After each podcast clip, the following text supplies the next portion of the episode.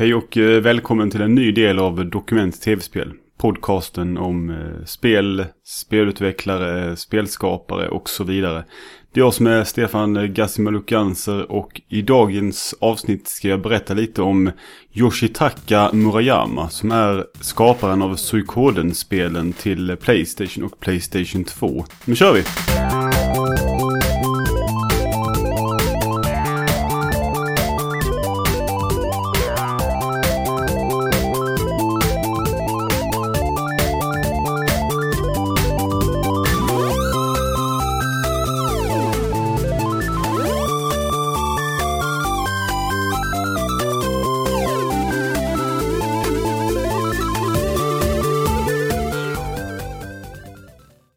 Yoshitaka Muriyama föddes i Hokkaido i Japan. I början av 90-talet studerade han datorprogrammering vid Tokyos universitet. När studierna var klara sommaren 1992 så gick han till Konamis nygrundade Tokyo-kontor för att söka jobb. Han sattes till en början på mindre viktiga uppgifter som många andra nyanställda.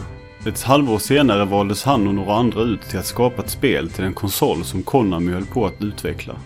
Det var här Murayama för första gången började jobba tillsammans med designern Junko Kawano, även hon en nykomling på företaget. Man skulle utveckla ett RPG och Murayama började skriva ett manus. Det inspirerades delvis av hans kärlek till historiska epos. Konami lade dock ner sina konsolplaner och Murayama, Kawano och tio andra personer fick uppdraget att skapa ett spel till Sonys kommande konsol Playstation istället. Det gavs tre genrer att välja mellan. Baseball, Racing eller RPG. Valet föll på RPG, även om Murayama själv helst hade velat göra ett shoot em up. Istället för att fortsätta på sitt existerande manus så började Murayama nu skriva på en prolog till den historien. Han ville inte slösa bort sin berättelse på det första försöket att göra spel till Playstation och hoppades kunna använda manuset till en uppföljare som de kunde göra när de lärt sig konsolen. Deras ambition var att skapa ett spel som kunde stå sig mot giganterna Enix och Squares Dragon Quest respektive Final Fantasy. Moriyama ville ha ett stort karaktärsgalleri. Inspirationen drog han bland annat från mangas som Fist of the North Star och Captain Tsubasa. Men när han skulle pitcha idén för ledningen så valde han istället att basera sitt argument på den klassiska kinesiska novellen Xu Zan istället. En bok som handlar om 108 laglösa. Han misstänkte att den äldre chefen mer skulle kunna koppla till det än tidigare nämnda mangas. På mötet bestämdes det att spelet skulle ha 108 spelbara karaktärer baserat på de 108 laglösa från Shuhusen. Titeln blev Suikoden, eller Gensu Suikoden i Japan, vilket är den japanska översättningen av titeln Shuhusan. Nu satte man igång utvecklingen på allvar. Muriyama producerade, regisserade och skrev manus. Han tyckte inte att deras tester med 3D-grafik var speciellt imponerande och tryckte istället på för att man skulle göra spelet i traditionell 2D. Det skulle helt enkelt se bättre ut. Idén om 27 True Runes och kampen mellan ordning och kaos fick Murayama i stor del från Michael Moorcocks koncept The Eternal Champion.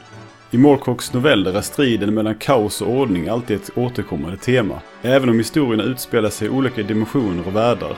The Eternal Champion är en hjälte som existerar i alla dimensioner och är där för att bringa balans.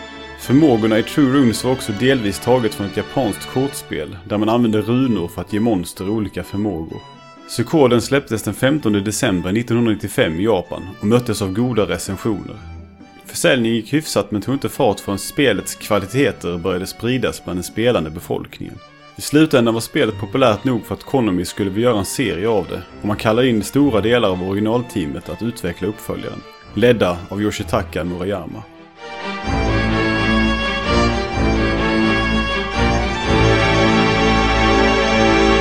Moriyama fick nu äntligen göra spelet han hade börjat skriva på flera år innan. Historien i Psykoden 2 hade han ju redan börjat penna på redan innan utvecklingen av första spelet.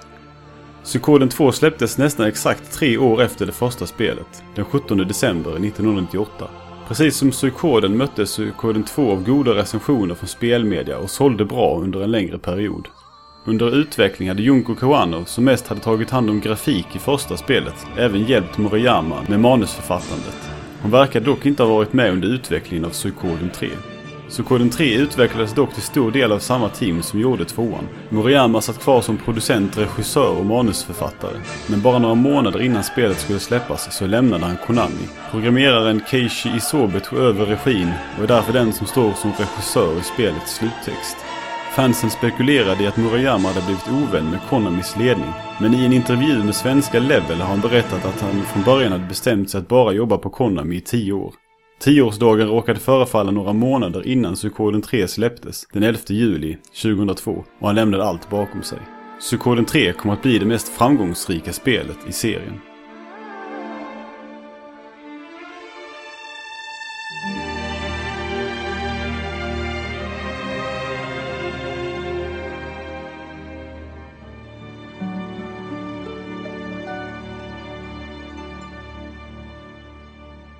Efter att Murayama lämnat Konami så tog Junko Kawano över rodret för serien. Hon hade varit karaktärsdesigner till Suikoden 1 och 2. Men nu blev hon producent, regissör och manusförfattare till Suikoden 4 och Suikoden Tactics. Murayama har efteråt berättat att hans favoritspel i serien är Suikoden 2. Spelet vars historia hans spelkarriär började med. Efter att ha lämnat Konami startade han sin egen studio, Blue Moon Studio. Hans första spel där blev Tsukio ni Saraba från 2005, eller Moonlit Shadow som det skulle kunna översättas till. Den amerikanska titeln blev då 10,000 Bullets, som han utvecklade för Taito. Han skrev också scenario till Asmic Ace, Tensei, Gakuen, Gekuruku och har på olika sätt jobbat med manus till olika spel som av en eller annan anledning aldrig släppts.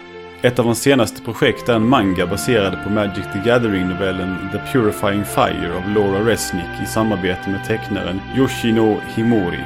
Han har fått olika erbjudanden från Konami sedan han lämnade företaget, dock inget som blivit av. Många fans vill se honom få möjligheten att göra fler spel i Sukoden-serien. Själv säger han att det är upp till Konami. Utöver de första Sukoden-spelen har han även skrivit manus till en spin-off-serie av visuella noveller till Playstation. Suikoguiden volym 1 Swordsman of Harmonia Suikoguiden volym 2 Duel at Crystal Valley som endast släpptes i Japan. Huruvida Moriyama kommer få möjligheten att fortsätta sin saga kan vi bara spekulera i.